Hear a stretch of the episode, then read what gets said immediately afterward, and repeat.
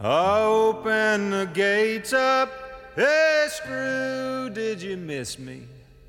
Jimmy, I see that you found a new friend. Warden, come down here and kiss me hello, cause I'm back home in Huntsville again. Welkom bij de Prison Show, programma over delict, straf, herstel en terugkeer. Oprecht, onafhankelijk en baanbrekend. Want iedereen heeft recht van spreken en verdient erkenning voor wie hij of zij is. Met Edwin En Frans. Yes, I'm back home in Huntsville again. Hier brandt een rood lampje op mijn paneel. Dat wil zeggen dat we gaan beginnen aan een nieuwe editie van de Prison Show podcast. In Wessaan, aan de stamtafel, praten wij met onze gasten van vandaag. Eh wat een leuke teaser. In de podcast van vorige week ging je op, op het einde de bel. Ja. En men zit al een week in spanning. Wie waren dat? Wie waren dat? Dus Frans, ik stel voor dat jij ze gaat introduceren. Dat eh, doe ik met genoegen, eh, Edwin. Vandaag hebben we weer hele bijzondere gasten. Leo van Gelderen en Florie Neter-Polak zijn hier bestuursleden van het Verbond Belangenbehartiging Vervolgingsslachtoffers. In de Prison Show spreken gasten over onrecht en hoe dat van persoon op persoon en van generatie op generatie wordt doorgegeven. Meestal aan slachtoffers en nabestaanden die part nog deel hadden aan het onrecht dat daders werd aangedaan. Vandaag besteden we aandacht aan de belangenbehartiging van vervolgingsslachtoffers. Mensen die te maken kregen met het geweld en het onrecht in de Tweede Wereldoorlog. Het VBV, het Verbond Belangenbehartiging Vervolgingsslachtoffers, is een vakbond tussen aanhalingstekens die opkomt voor de belangen van de vervolgde overlevenden van de Tweede Wereldoorlog uit Europa en voormalig Nederlands-Indië.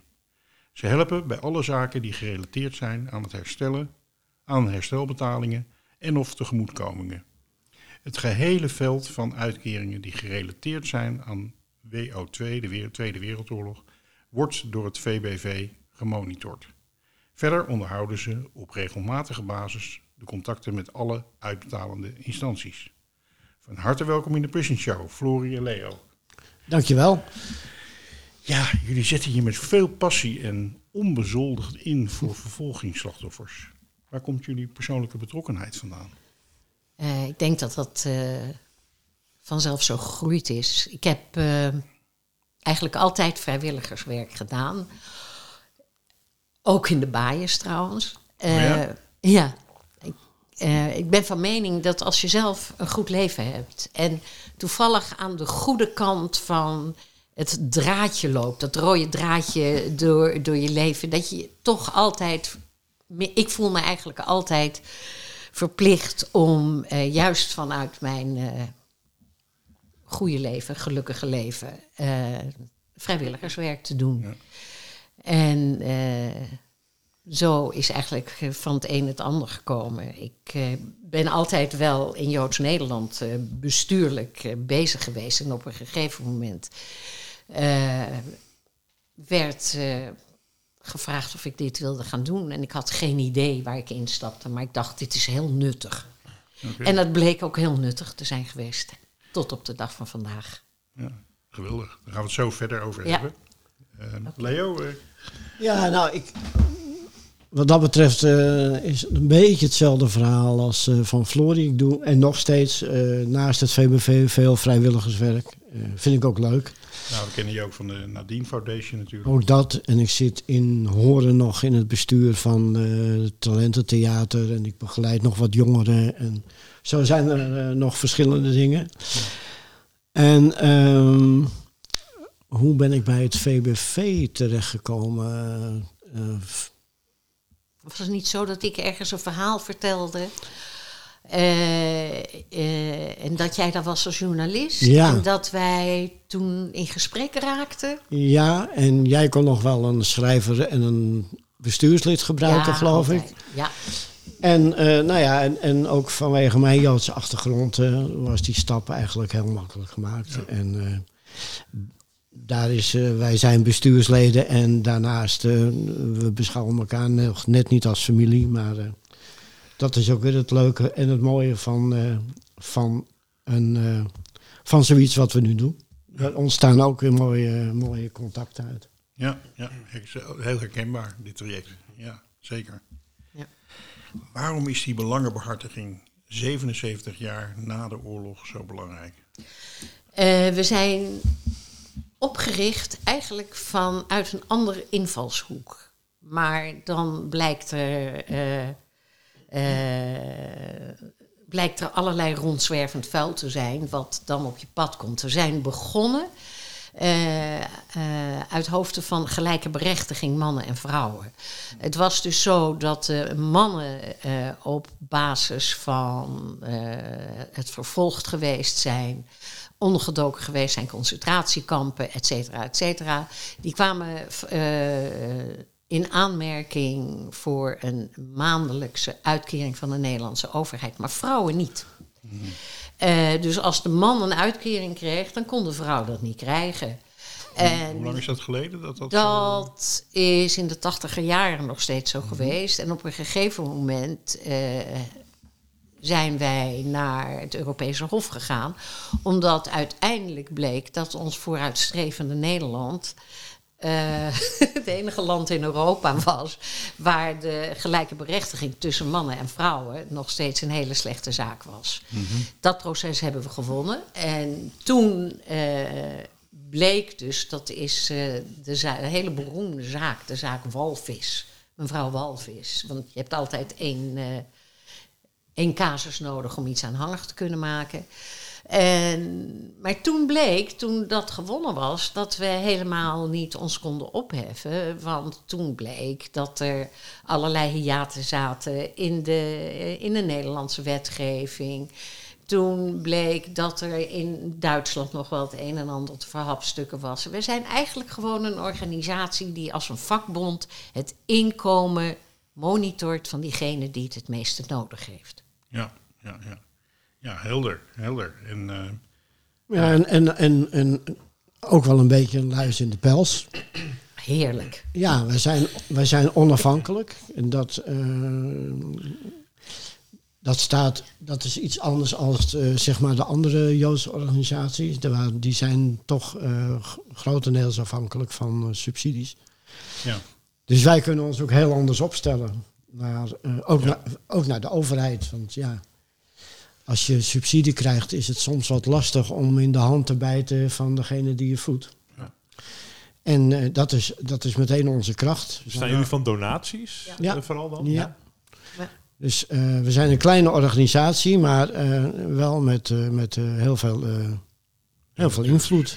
Ja, Ja. en we zijn ook mondiaal. Hè? En dat is natuurlijk wel iets wat het digitale tijdperk ons gebracht heeft. Eh, we hebben mensen in Australië.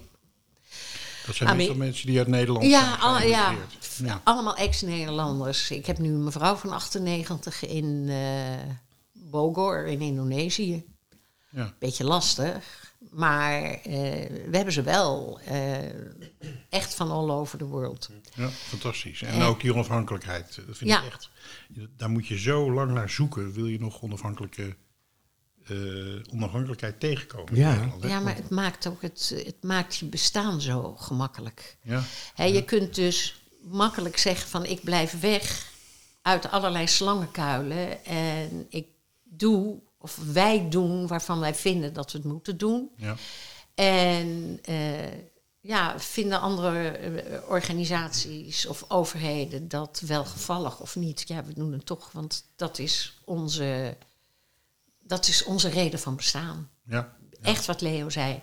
We proberen toch de luisterende pels te zijn. ja. En dat gaat ons erg goed af.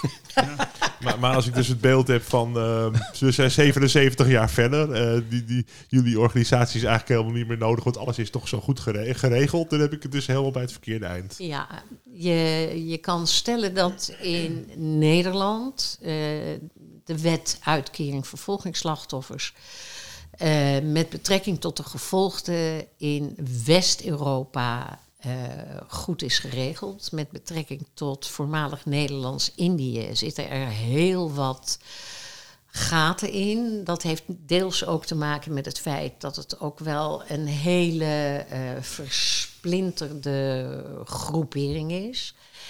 Ehm, en daar zou nog wel eh, iets aan verbeterd kunnen worden. En voor wat de vervolgden uit West-Europa betreft, heeft Duitsland dat natuurlijk heel lang laten afweten. We zitten vanaf 2014 pas in een traject waarin, nee 2004, een traject waarin er nog eh, vergoedingen uit Duitsland zijn. En Ja. dat is natuurlijk, eh, daar hebben we heel hard aan moeten trekken. En eh, ik ben nu nog bezig met Roma en Sinti. En die leven niet meer. Dus er is nu pas een uitkering voor Roma en Sinti. Maar dat is lekker. Probeer jij nog maar eens iemand te vinden die geboren is voor 1945. Moest het naar de maaltijd? Ja. Ja. Dus ja, Ja, je noemt wel een paar, paar dingen. Hè? Bijvoorbeeld eh, de, de, dat, wat ook de complexiteit aangeeft. Hè? De Roma, de Sinti, de Joodse mensen. ja. En, eh, voormalig Nederlands-Indië, enzovoort, enzovoorts. Waar ook weer allerlei verschillende groeperingen natuurlijk in zitten. Ehm, wat is er nodig om vervolgingsslachtoffers te compenseren? En, en hoe moeilijk is het om dat voor elkaar te krijgen? Nou, wat er nodig is, is natuurlijk heel simpel. Dat is een goed leven. Eh, omdat eh, met het voortschrijden der jaren het, eh, het leed van wel eer ook weer hele ernstige vormen aanneemt. En als we nu kijken naar de Oekraïne en je kijkt wat de impact daarvan is op onze mensen, dat is echt gigantisch. Ja, ja, Want ja. mensen hebben dat allemaal al gezien. Die hebben al vrouwen en kinderen met koffertjes zien lopen. Die hebben die hele vluchtelingenstroom al meegemaakt. Ja, ja. Die weten waar dat toe leidt. En ik moet zeggen, de mensen die wij dan aan de telefoon krijgen, dat is heftig. Dat is Ja. echt heel heftig. Ja, ja en een- je zegt, een, eh, dit, dit kan ik me heel goed voorstellen. Dat, dat, dat, dat hoor ik ook en dat lees ik ook. En wij zijn heel druk bezig met eh, het, het hier naartoe, of het helpen van Oekraïense mensen. Omdat ik ook projecten in Oekraïne gedaan heb, ken ik daar veel mensen. Ehm, en de Oekraïense mensen hebben het ook vaak over de tweede en de derde oorlog die ze meemaken. Hè? Ja. Eh, we hebben een man van 94 hier naartoe gehaald, een Oekraïense man. Die heeft drie oorlogen meegemaakt. ja, het is echt verschrikkelijk. Ja. Ja, en dat heeft inderdaad een enorme, enorme, enorme impact. Maar je zegt, Florie, een goed leven. Hoe zou je dat willen definiëren? Wat is een goed leven? Nou, een goed leven is in de eerste instantie geen financiële zorgen. Maar eh, voldoende mensen om je heen die zich om je bekommeren. Die begrijpen wat je hebt meegemaakt. Eh, die een arm om je heen kunnen doen. Die je bij de hand kunnen pakken als je het moeilijk hebt. Ja, En dat zijn toch wel de dingen die wij eh, eh, proberen te doen. We laten nooit iemand vallen als, als, als er gebeld wordt. En nu zijn er wel maatschappelijke organisaties die dat zouden moeten doen, maar die zijn weer zo afhankelijk van de subsidies die ze krijgen. Die krijgen voor de hulpverlening per capita betaald. ja, En dat is bij ons niet het geval. Dus wij kunnen eigenlijk veel tijd besteden aan mensen die dat nodig hebben. We gaan ook wel op bezoek bij mensen. En, en ja, dan gaan we gewoon maar even een kop koffie drinken. En dan denk je, god, wat doe je daar eigenlijk? Maar dan krijg je toch later een Ja. telefoontje van... nou, het heeft me zo geholpen. ja dat is Nou ja. ontzettend belangrijk. Ja. Nou, Nou, nou zit ook rustig eh, twee uur met eh, één iemand aan de telefoon. ja, ja, ja, ja, Die dan eh, of, een, of iets heeft financieel of gewoon eh, zijn of haar ei kwijt wil. En nou ja, kom daar maar eens, bij, kom daar maar eens om bij een, bij een gestructureerde organisatie tegenwoordig. Eh, nou ja, kijk maar naar eh, elk consult wat je, wat je volgt. eh, nou, je krijgt tien minuten en dan is het wel een beetje gebeurd. ja. Ja. Ja, dat is, dat is denk ik ook met, met name jouw grote kracht. Want, want Florie doet wat dat er gaat eigenlijk wel het meeste.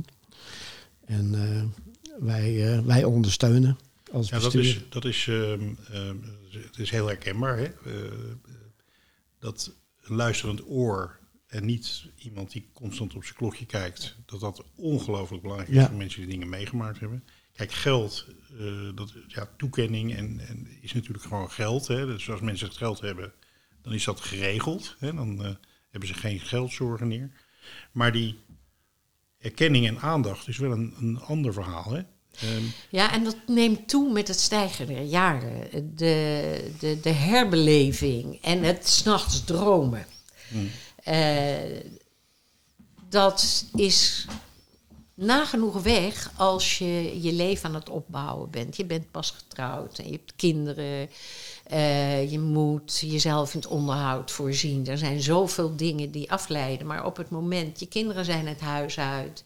Eh, je leven wordt rustiger, maar je wordt ook ouder. En daar alles bij elkaar opgeteld, wordt de herbeleving wordt alsmaar, wordt alsmaar sterker. En je weerstand om dat weg te Ja, houden. je bent niet meer zo flexibel. Ja, Nee. die, is, eh, die is weg op een gegeven Ja. moment. Hè? Ja. Ehm, nou, is het, nou ga ik er een beetje van uit dat er nog wel heel veel mensen zijn die, eh, die dit soort arm op de schouder kunnen gebruiken. En misschien wel duizenden in Nederland. Eh, en jij bent alleen. Eh, Eh, nou, ik ben niet helemaal alleen, want ik zou dat zonder Leo en mijn echtgenoot uiteraard, die de beste debriefer in de, in de wereld is, zou ik dat natuurlijk niet kunnen.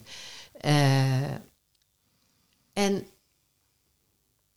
ja, ergens vind ik het ook, ik vind het ook fijn om te kunnen doen. ja, ja. Dus eh, ik vind het niet zo erg. En het is niet zo dat ik eh, eh, twintig van dit soort twee uur durende telefoontjes per dag heb. Nee, dat, nee, nee, nee. En wat heel belangrijk is, is eh, dat een heel belangrijk aspect om te relativeren is eh, de humor. Want ik kan je vertellen dat wij wat aflachen even goed hoor. Ja. Ja, dat komt altijd terug, hè? Iedereen die ik spreek met die ook met heftige dingen te maken heeft. eh, ik heb eh, zelf een broer bijvoorbeeld bij de Amsterdamse brandweer. En eh, we hebben uitzendingen gemaakt over veteranen of over hele andere onderwerpen waar veel ernst bij komt kijken. Altijd komt ook het aspect humor weer terug. Eh, dat is een soort uitlaatkleppen van ontlading, waardoor je kunt blijven doen wat je doet. ja maar mensen zonder humor die kunnen ook heel moeilijk relativeren. Ja. ja, het is relativering. eigenlijk, Ja. Heb, Ja. je, heb je een voorbeeld van, van iets waar je dan, ja, waar je dan iets aan humor ku- kunt hebben, een moment of een. Nou, bijvoorbeeld eh, de hele, een beetje gruwelijke. Maar eh, je, je had een concentratiekamp Bierkanaal. En eh, mijn dochter zegt op een gegeven moment... Mam, op mijn Birkenstocks... Waar zijn je bierkanaals? Ja, ja, ja.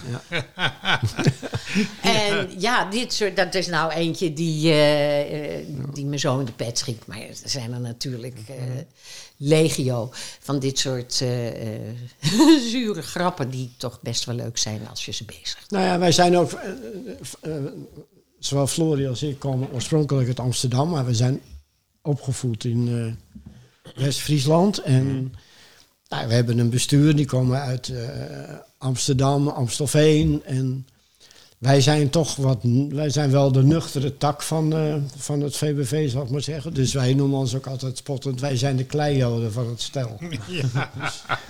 Ja. Ja. Dus ja, zo moet je het ook een beetje... Die, die West-Friese inslag hebben jullie ook al een beetje meegekregen. ja, ja, ja. En Ja. ja. want ja, ik hoorde laatst een cabaretier zeggen eh, eh, waar tragedie ophoudt, of het, dan het verlengstuk daarvan, dat is humor. Ja, ja. Dus het is echt heel erg met, eh, ja, in elkaar vergroeid. ja, Dat is goed om te beseffen. Ja. ja.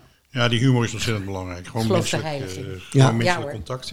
Ik herken dat wel. Want ik, eh, wij hebben ook zo'n, zo'n de Stichting Herstel en Terugkeer. En eh, iedereen kan een formuliertje invullen of contact opnemen. En ik moet zeggen, ik denk dat ik ongeveer vier flinke gesprekken heb per week. Van mensen die hun verhaal vertellen. En mensen zitten dan eigenlijk helemaal niet te wachten op dat ik allerlei oplossingen aandraag of wat dan ook. Het is gewoon zo, van als je gewoon alleen al luistert, eh, snel reageert. Ik reageer altijd binnen een dag. Als je alleen maar luistert, dan krijg je reacties A, dat u überhaupt reageert. Dat ben ik helemaal niet gewend. Als ik ergens een mail naartoe stuur of iemand wil spreken. En B, Nou, erg is dat, hè? want dat hebben wij dus Ja. ook. Van, het feit dat u Ja. luistert, ja, dat is, dat is uniek. En ehm, Ja. bedankt. En als ik wat weet, dan weet ik u te, als, ik, als ik iets nodig heb, weet ik u te vinden. Daar eindigt het vaak mee. Maar het zegt ook wel iets over deze tijd. Hè? Dat Nou. mensen het gek vinden dat je snel reageert. Ja. ik verbaas me Ja. altijd. Ja. Ja. ja, waardoor de eerste indruk van mensen is, daarom doe ik het ook. Het eerste signaal wat je nou geeft is, u doet er niet toe. Hè? Uw Ja. vraag doet er niet toe. Want Nee, eh, die kan nee. wel twee weken of drie weken wachten. Ja. Ja. Hè? Zonder dat je überhaupt weet wat iemand eigenlijk wil vertellen of vragen. Ja. Ja, ze sturen de mail naar een stichting natuurlijk. En dan weet je ook niet, is het een hele grote stichting? En wie, bij wie komt het dan aan? Ja. Het komt natuurlijk gewoon bij jou persoonlijk aan. Dus je kan ze ook heel persoonlijk antwoorden daarop. Het is heel, heel, heel dichtbij, heel ja. kort, dat lijntje. Ja. Ja, en dat, eh, dat vind ik ook het mooie. Vind ik echt heel mooi wat jullie doen. Want die behoefte is enorm. En het feit dat je als mens gewoon een mens kunt spreken. Ja, dat is, dat is gewoon goud waard. Ja. Dat, dat is er bijna niet meer. Hè? Die niet verbonden is aan een of andere instantie of weet ik veel wat. Nee. Nee. Je krijgt ook geen antwoordapparaat. Ja, precies. nee, je krijgt een levend mens. Ja. Ja. Dus, eh, Wat een constatering eigenlijk, hè? Als je Gek, hè? eh, ja. Maar hoe vaak heb je dat zelf niet, dat je een nummer belt? En dat heb ik wel eens. En dan denk ik dat ik een antwoordapparaat aan de telefoon heb. Dan heb ik zoiets van, oh, dan zeg ik van, oh, u bent een levend mens. Ja, ja. Nou ben ik helemaal verbaasd. Oh, maar Ja. die blijken ook nog te bestaan. Ja, dus we leven wel in een gekke tijd. Ja. ja, ja. De laatste jaren is er eh, eh, bij een breed publiek meer bekend geworden over Nederlandse oorlogsmisdaden in voormalig eh, Nederlands-Indië. Ehm, ik heb zelf een aantal boeken gelezen. Eh, ik ga in die beweging mee de afgelopen jaren eh, daarover. Ehm, bijvoorbeeld Revolutie en zo zijn er nog een aantal. Mhm. Ehm, het, het heeft me mateloos geboeid en ook verbaasd, omdat ik merkte dat ik, ik al vaker gehad met andere onderwerpen, maar dat ik gewoon onderwijs heb genoten en geïnformeerd ben op een volstrekt eh, verkeerde manier. Eh, eh, ik heb een heleboel en niet gehoord en gelezen. En wat ik gehoord heb gelezen heb, klopte gewoon vaak niet. Dus eh, Nee, er is, er is, en dat geldt ook voor de, voor de overlevenden en, en de mensen die er niet meer zijn. Er is, er is in de schoolboekjes heel veel onder het tapijt eh, geschoven. Nou moet ik zeggen dat Nederland daar op zich heel goed in is. En eh, dus Ja. mij verbaast het niet hoor, dat het eh, nu eh, in dit geval Indië, dat dat allemaal naar boven komt. En in feite is het alleen maar goed. Ja. ja, dat het probleem komt. is, want ik voel die vraag wel aankomen van hoe zit het met jullie contacten in, in, eh, met, met mensen uit voormalig Nederlands-Indië? Precies. Heeft dat jullie werk beïnvloed? Ja. Eh, ze- Het is een hele, een, een hele moeilijke doelgroep. Eh, ik geef een voorbeeld. Eh, rond 2000 is de Nederlandse overheid eh, bezig geweest met herstelbetalingen aan Joden. Niet alleen de overheid, maar ook het Verbond van Verzekeraars.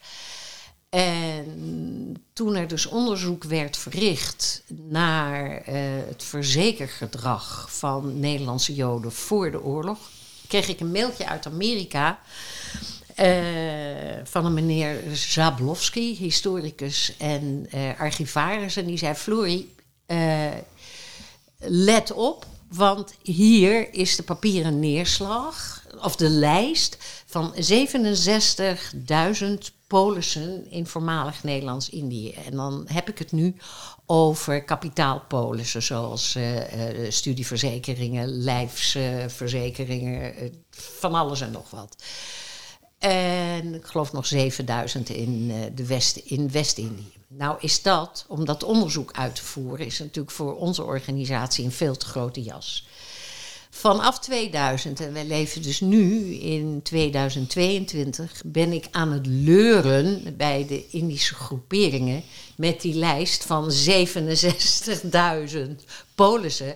Van help ons om dat te kunnen uitzoeken. Want kijk, ik heb alleen maar een, een papieren neerslag van dit en dit is er. Maar wij zijn natuurlijk niet die National Archives in Washington in geweest om de persoonlijke eh, eh, polissen boven water te halen. Hier in Nederland zegt men van eh, nee, al die polissen zijn verbrand, die zijn er niet meer. Maar ik weet dat de schaduwadministratie in de National Archives ligt in Amerika. Ik heb hulp nodig, want dat kunnen wij echt niet doen. Punt 1 is het veel te kostbaar voor ons. En punt 2 is het ook veel te veel werk. En punt 3 zijn we daar eh, niet, op toegerust. Maar omdat die Indische groep zo verdeeld is, per eiland, per politieke instelling, per van alles en nog wat, krijg ik dat nooit van de grond. Ja. Dat, in de, dat gezegd hebbende, dat geeft ook meteen aan hoe je. Ik lees net als jij, hè, eh, probeer ik mee te lezen met het voortschrijdend inzicht, met wat we toen niet wisten en nu wel weten. Maar ik heb het idee dat hoe meer ik lees, des te moeilijker is het. Eh, wij hebben niks meegekregen van de strijd tegen het communisme in voormalig Nederlands-Indië. Nee. Toch zijn er gigantisch veel communisten opgepakt. Eh, en die kinderen die zitten hier. Maar die melden zich niet. Ik Ja. bedoel, het is allemaal, dit, dit is echt een heel moeilijk. Ik vind het ook een. eh, beetje, voor mij is het ook een beetje een teleurstellend idee. Want je wilt graag de hele groep er zijn voor de hele groep, maar het lukt niet. Nee, nee. Het, eh, het zegt waarschijnlijk wel iets over de, over de, de werkelijkheid, de context waarin deze mensen zich bevinden. Hè? Dat ze niet eh, een stap vooruit doen. Ja, dat weet ik niet. Dat, dat weet ik niet. Ik denk dat wij ons verkijken. Ik denk dat de verschillen tussen de eilanden ook bijvoorbeeld heel erg groot zijn. Eh, mensen eten anders, mensen leven anders, mensen praten anders. En er is natuurlijk ook nog een eh, enorm wantrouwen. Hè? Ja, Dus Ja, je kunt ze eigenlijk niet als groep benaderen. nee, wij willen dat graag, maar ik denk dat dat onzin Ja, is. Dat dat niet Nou, is. en met name wat ik zeg, dat wantrouwen ook naar de overheid. En, en daar hebben ze alle reden toe. Ja, Maar dat, dat, dat werkt nu nog steeds gewoon tegen. Ja. En dat houdt, dat houdt ook mede die, die, die verdeeldheid in stand. En, en het niet, nou ja, zich niet open willen stellen. Zelfs niet eh, eh, voor deze ja, hulp, zal ik maar zeggen. Ja. Ja. En misschien dat er iemand luistert en er wat eh, mee wil gaan doen. Dat zou kunnen. dat zou fijn zijn. Dat Wat, zou wat, mooi wat zijn. kunnen jullie verder ge- ge- goed gebruiken als het gaat om hulp of, of bijdragen van mensen? Wat, wat kunnen mensen doen? Ehm, ja, Dat is een goede vraag. Ja, nou, dat is een hele goede vraag. Maar ik denk dat iedere input eh, welkom is. Want een mens kan denk ik alleen maar creatief zijn als je input krijgt. Want in je eentje ben je niet zo creatief. Ehm, ja, mochten er mensen luisteren, ook uit de Indische hoek, dan zou ik zeggen, ja, vertel, praat. Ja. Eh, Kijk, er, er bestaan natuurlijk wel hulpverlenende organisaties, zoals Joods Maatschappelijk Werk en de stichting Pelita. Eh, Pelita is ook een sociaal hulpverleningsorganisatie, speciaal voor mensen uit voormalig Nederlands-Indië. Eh, eh, wat wij kunnen doen is, ik zou ontzettend graag die eh, verzekering eens een keer boven water tillen, maar dat kan echt niet. eh, dat, dat, nou ja, dat heb ik al gezegd, kunnen wij niet alleen. Verhalen willen wij graag. Ehm, ja, Verhalen om, ja, wat, wat wil je verder met de verhalen Nou, doen? omdat ik toch echt geloof dat eh, de fantastische boeken die er op dit moment worden geschreven, belichten in mijn optiek allemaal een stuk. En eh, ik denk dat gewoon verhalen van mensen eh, de het makkelijker maakt om de politiek te begrijpen. En om de verbinding tussen het verleden en het heden te kunnen leggen. Ja. Ja, het geeft het hele plaatje dan, hè? Ja, Ja. Ja. Ja, het is ook heel belangrijk. We, we zitten in Zaanstad en eh, hier is een stichting die heeft een jaar of tien geleden ehm, is gewoon vanuit burgers ontstaan eh, om mensen, eh, die stichting heeft Monument te spreken en die heeft gewoon mensen die de oorlog hebben meegemaakt, ehm, oude mensen, veel, veel negentigers ook en eh, tachtigers, gewoon geïnterviewd op, op film, zoveel mogelijk die verhalen verzamelen, omdat als je het van iemand zelf hoort die het heeft meegemaakt, wat binnenkort niet meer kan, omdat die hele generatie dan weg is, dat heeft zoveel meerwaarde om het verhaal over te brengen. eh, richting jeugd, richting eh, Ja. kinderen. Ehm, ehm, Zo'n project is bijvoorbeeld heel, heel belangrijk geweest. eh, is een enorme bijdrage om voor het vastleggen Ja. en het vertellen van die verhalen en de urgentie, eh, dat we dat nooit vergeten. En dat we ook die geschiedenis, die zich nooit helemaal misschien herhaalt, maar altijd wel rijmt. Hè? Kun je dan Ja. ook zeggen, de geschiedenis herhaalt zich niet, maar die rijmt vaak. Ehm, voor nieuwe generatie om het over te brengen. Dit- Dat, dat vastleggen van die verhalen is heel belangrijk. Dus ik dacht misschien dat jullie daar ook iets mee willen om Nou ja, te- om Ja, te- schrijven, dit- vast te leggen. dus. Ja, Ja, dit. Dat is precies wat het is. Ja. Ja. Dat is Ja. eigenlijk precies wat ik bedoel. Omdat eh, zonder iets eh, af te willen dingen op de wetenschap, is het eh, speuren in archieven een, eh, eigenlijk in een soort van dode materie. En de conclusies die dan vaak eh, verbonden worden aan datgene wat je. Nou ja, het, eh, de, de dader van Anne Frank is daar het eh, lichtende Ja, voorbeeld van. ja. Het fiasco laatst. eh, Ja. maar je maakt dus aan de hand van. Ik bedoel, die mensen zijn niet malafide. Dat, eh, dat, dat geloof ik absoluut niet. Maar die verliezen zich in papier en komen tot een conclusie. En die conclusies bezijden de waarheid. Ehm, nou wil ik niet zeggen dat het geheugen van de mens altijd voor 100% zuiver is. Maar samen en wetenschap en de eh, persoonlijke verhalen van mensen, die kunnen je tot een, eh, tot een beeld over een bepaalde Ja. periode brengen. Eh, als je die persoonlijke verhalen niet hebt en je hebt alleen de wetenschap, dan heb je, ben, je maar, ben je heel makkelijk op het verkeerde spoor te zetten. Ja. Nou, kijk alleen maar naar dat grote project van eh, Steven Spielberg. Ja, Met al die verhalen. Dat is gewoon een. Ja, dat, dat, dat is misschien. Ja, op termijn wel een van de belangrijkste databases. Nou, ja.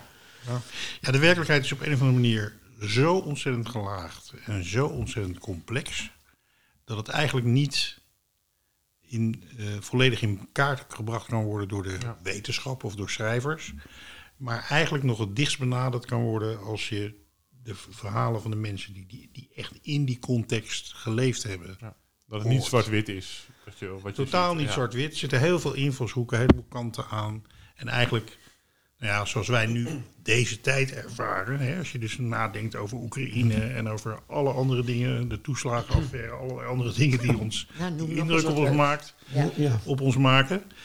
Eh, dat is allemaal, komt dat, is dat onze werkelijkheid. Nou, ga dat maar eens eventjes in kaart brengen. Ja. En dan gaan het maar eens over achteraf. 60 jaar Ja. of 100 jaar Ja. of zo. Ga er maar eens achteraf naar kijken en dan zie je het heel anders dan wanneer je Ja. er middenin zit. Ik hoop dat ze tegen die tijd eh, onze verhalen en jullie verhalen, zoals jullie die verzamelen, eh, Ja. daar, nog toegang toe hebben. Ja. Ja. Hey, Oekraïne wou ik nog iets over vragen. Dat is natuurlijk op dit moment een heel indrukwekkend eh, gebeuren. Je vertelde al iets, Florie, over het feit dat het in ieder geval voor de vervolgingsslachtoffers gewoon een herbeleving betekent, die heel erg moeilijk is. Ehm, ik zag ook op jullie site dat jullie eh, het een en ander aan informatie ook verzameld hebben en Mhm. Ja. gepubliceerd hebben. Ja. Nou, er zijn eh, nogal wat eh, organisaties die zich eh, bezighouden met fondsen werven voor de Oekraïne. En wij wilden natuurlijk wel geven aan Oekraïne, maar wij hebben ook onze eigen doelstellingen. En het geld wat wij hebben komt van de mensen, is niet ons geld. Nee. Dus we hebben gezocht naar een organisatie in de Oekraïne die zich bezighoudt met overlevenden van de Tweede Wereldoorlog. Ja. En in dit geval met Joodse overlevenden van de Tweede Wereldoorlog. Ja. En eh, ik ben op een gegeven moment maar gaan bellen. En eh, toen kreeg ik eh, wat mensen aan de telefoon die eh, alleen maar Oekraïens spreken. En mijn Oekraïens is behoorlijk roestig. maar op een gegeven moment kreeg ik dus een eh, jonge man aan de telefoon die voortreffelijk Engels sprak. En eh, nou, daar heb ik een uitvoerig gesprek mee gehad. En zij hebben een, in Odessa een heel groot huis waar ze weeskinderen opvangen, vluchtelingen opvangen en eh, Overlevenden. overlevenden van de Tweede Wereldoorlog. Dus ik dacht van dat is onze organisatie, dus daar hebben wij geld aan overgemaakt. Eén keer vanuit onze directe pot. En de tweede keer hebben wij dus gevraagd aan de mensen om eh, ook nog wil- te willen bijbetalen. Dus we hebben in totaal denk ik een kleine 3000 eh, euro voorlopig overgemaakt. En we hebben afgelopen zondag hebben wij dus een via de Zoom. Ja, het is, deze tijd is toch ook werkelijk geweldig. Want Leo en ik hebben dus met die organisatie dus eh, gewoon eh, anderhalf uur zitten praten. En eh, nou is Odessa nog eh, relatief rustig. Maar wat wij bijvoorbeeld niet weten is dat die Russen vanuit zee gewoon om te treiteren en om uit te proberen gewoon raketten afschieten hè, op de stad.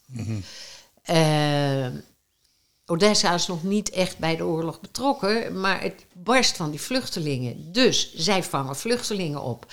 Waarop ik dus vroeg van, eh, maar hoe, waar laten jullie die vluchtelingen dan? Och, zeggen die kerels van, ja, dat is hartstikke simpel. Want wij hebben eh, duizend mensen en 120 kinderen geëvacueerd naar Berlijn. Dus ons huis staat leeg. Dus daar vangen we vluchtelingen op kan je niet bedenken als je in het Westen zit dat een antwoord vaak zo simpel is. Ja, ja, ja, ja. Eh, nou ja, dus daar heeft, schrijft Leo weer een stuk over. We zullen die eh, mensen gewoon blijven eh, steunen. We hebben ook de club van eh, Voorhoeven, Joris Voorhoeven, Eyes on Ukraine, hebben wij ook gesteund. Ja. Omdat wij de Joris Voorhoeven zo'n gepassioneerd verteller vinden eigenlijk. En zo'n integere, absoluut integere man vinden. Dus, maar ja, je, moet- je moet wat doen en eh, alles is goed. Maar je maakt je eigen keuzes. Nou ja, en dat, Ja. en Dat steentjes die je bijdraagt. ja. Ja, het is een... En dat, dat, dat vond ik ook nog wel eh, opvallend tijdens ons eh, Zoom-interview. Waar we het net over hadden, over humor. En wij zitten te praten eh, met eh Rabijn Wolf. En eh, ja, die, als, je, als je niet beter weet, dan, dan zit hij gewoon eh, in Amsterdam. Ja. Want het was heel veel lachen en optimisme. En eh, ja, maar ik denk, als je dat ook niet meer hebt, dan houdt alles een beetje op, denk ik. Zo is het. Ja, nou hij zei, waar hadden we het net over? Wat hij zei vond ik wel belangrijk. Hij zei, als je als kind gevallen bent, je hebt een grote schaafwond... eh, dan kan je moeder niet die schaafwond genezen... maar die kan je wel omarmen en je een kus geven. En dan voel je je al een stuk beter. En hij zei van, ja, doordat jullie zo betrokken zijn bij ons... voelen wij ons sowieso al een stuk beter. Ja. En ik denk ook dat, eh, ja, dat persoonlijke aandacht mensen altijd helpt. Ja, ja, ja. ja, vorige week hadden we ehm, eh, een man die, eh, die veel vertelde over hoe om te gaan met veteranen. Hè? Eh, in dit geval eh, ook eh, mensen die in Indië geweest waren van vroeger, maar ook eh, de huidige eh, veteranen van de laatste conflicten en vredesmissies. En het, die zei exact hetzelfde. Die zei van. eh, eh, mensen komen terug uit, eh, op een vredesmissie, wat, niet, wat geen vredesmissie blijkt te zijn. Eh, ze krijgen te horen dat ze moordenaars zijn en lafaards hè, als ze terugkomen hier. Ehm, nou ja, dat is wel, eh, dat, dat sluit wel heel erg aan bij jullie Ja. verhaal. Ja. In plaats dat er gezegd wordt van, joh, wat heb je meegemaakt, jongen? En eh, je hebt dat voor ons gedaan. En wij hebben je daar naartoe gestuurd. En Ja. eh, welkom terug. Wat kunnen we doen om je weer op te nemen in de samenleving? Ja. Zodat je weer mee kan doen. Ja, Nou, dat ontbreekt nog wel eens hoor. Dat, dat wordt wel, dat wordt wel wat beter, vind ik.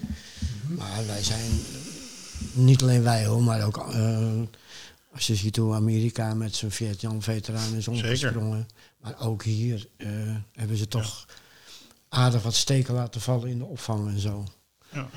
Ja, wij eigenlijk, hè? Want Ja. wij Ja. zijn, wij Ja, zijn wij- de- de Nederland. maas- dus, ja, eh, ja. Maar ja, het, het- is ook heel moeilijk, hè? want je historisch perspectief verandert met het voortschrijden van de tijd. Ja. Dus daarom zijn die mensen uit voormalig Nederlands-Indië, ja, dat zijn nu, dat zijn, die wisten ook niet waar ze in verzeild raakten. Dat is net als deze eh, Russische soldaten, die door Poetin ook zogenaamd op een vredesmissie worden Ja, gestuurd. ja.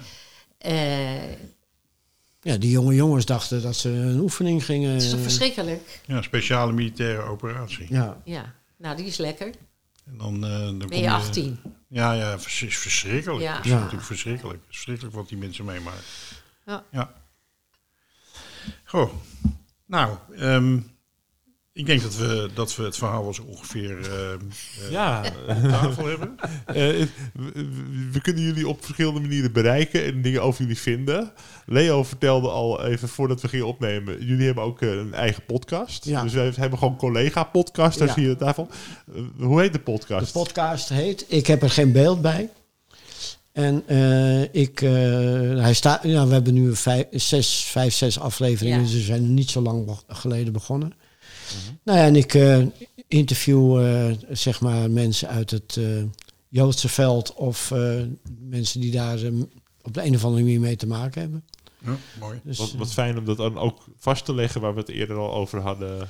Ja, Ja. eh, dat is, we hebben eh, mensen die, bijvoorbeeld eh Corine Abbas heb ik geïnterviewd uit eh, Amersfoort. En die had bijvoorbeeld, eh, dat ging over de stolpersteinen daar. En dat zij vertelde een, een heel verhaal over dat die hele wijk daar dan mee is gaan werken. En ja, het hoeft allemaal niet groots en meeslepend. Het, Nee, want je had ook die mevrouw, de tweede generatie, met een Inge- bierbrouwerij. Inge Stolk. Ja, Ja, ja, hartstikke leuk. Ja. Dus het zijn ook allemaal rand, al, alles wat er ook een beetje omheen eh Ja. zoemt. ja. En dat maakt het ook wel erg leuk. Dus, eh, Dus we moeten even reclame maken. De podcast Ja. gaan we nu allemaal naar zoeken. Die heet Ik heb er geen beeld bij. ja, Is het te vinden op de verschillende kanalen? Neem ik aan? Spotify, eh, de hele Goed, goed geregeld. En we zetten Ja. ook een linkje naar de podcast in onze tekst weer van onze Leuk, podcast. Dan leuk. kunnen we elkaar een beetje zo promoten. Hè? Eh, nee, dat vind ik fantastisch. En eh, ook een link naar... eh, jullie zullen vast een website hebben. Ja. En dat soort dingen. Heb ik, eh, zet ik allemaal in de tekst bij de, bij de show notes, heet het dan. Bij de podcast. Kijk, Nou, daar houden we van. Ja, want we moeten kruisbestuiving en we moeten verhalen Ja. verzamelen Ja. en mensen moeten reageren. En, eh, Ja, je, zo Ja. bereid je, ja, je moet een olievlek eh, creëren. Een soort Ja. beweging voor Ja. de menselijkheid, vind ik Ja. het. Ja, Waar we mee bezig dat vind ik wel een mooi. Ja. Beweging Ja. voor de menselijkheid. het is mooi werk wat jullie doen. Heel erg mooi werk. dat En is ik hoop dat jullie dat nog, eh, nog Ja, lang mogen voortzetten. geweldig. Ik denk Ja. dat het echt heel essentieel is. En eh, nou, ik wil jullie heel erg bedanken dat jullie Nou, hiervoor naar eh Westzaan zijn getogen. En de koffie was goed. Gelukkig. Dus we- we gaan- is dat wel heel belangrijk. We nemen nog een eh saasbakkie. En oh nee, dat betekent dan weer dat het een heel klein kopje is. Jullie mogen nog een lekkere grote kop koffie. Eh, ik, ga de, ik ga de podcast afsluiten. Het is geen verrassing, maar volgende week zijn we er weer met de podcast. In de tussentijd eh, luister je ook oude afleveringen terug op, op eh, ja, hoe heet het? Prisonshow.nl, zal het wel zijn. Prisonshow.nl, hè? Ja, dat is hem. Tot dan. Tot dan. Yes, I'm back home in Huntsville again.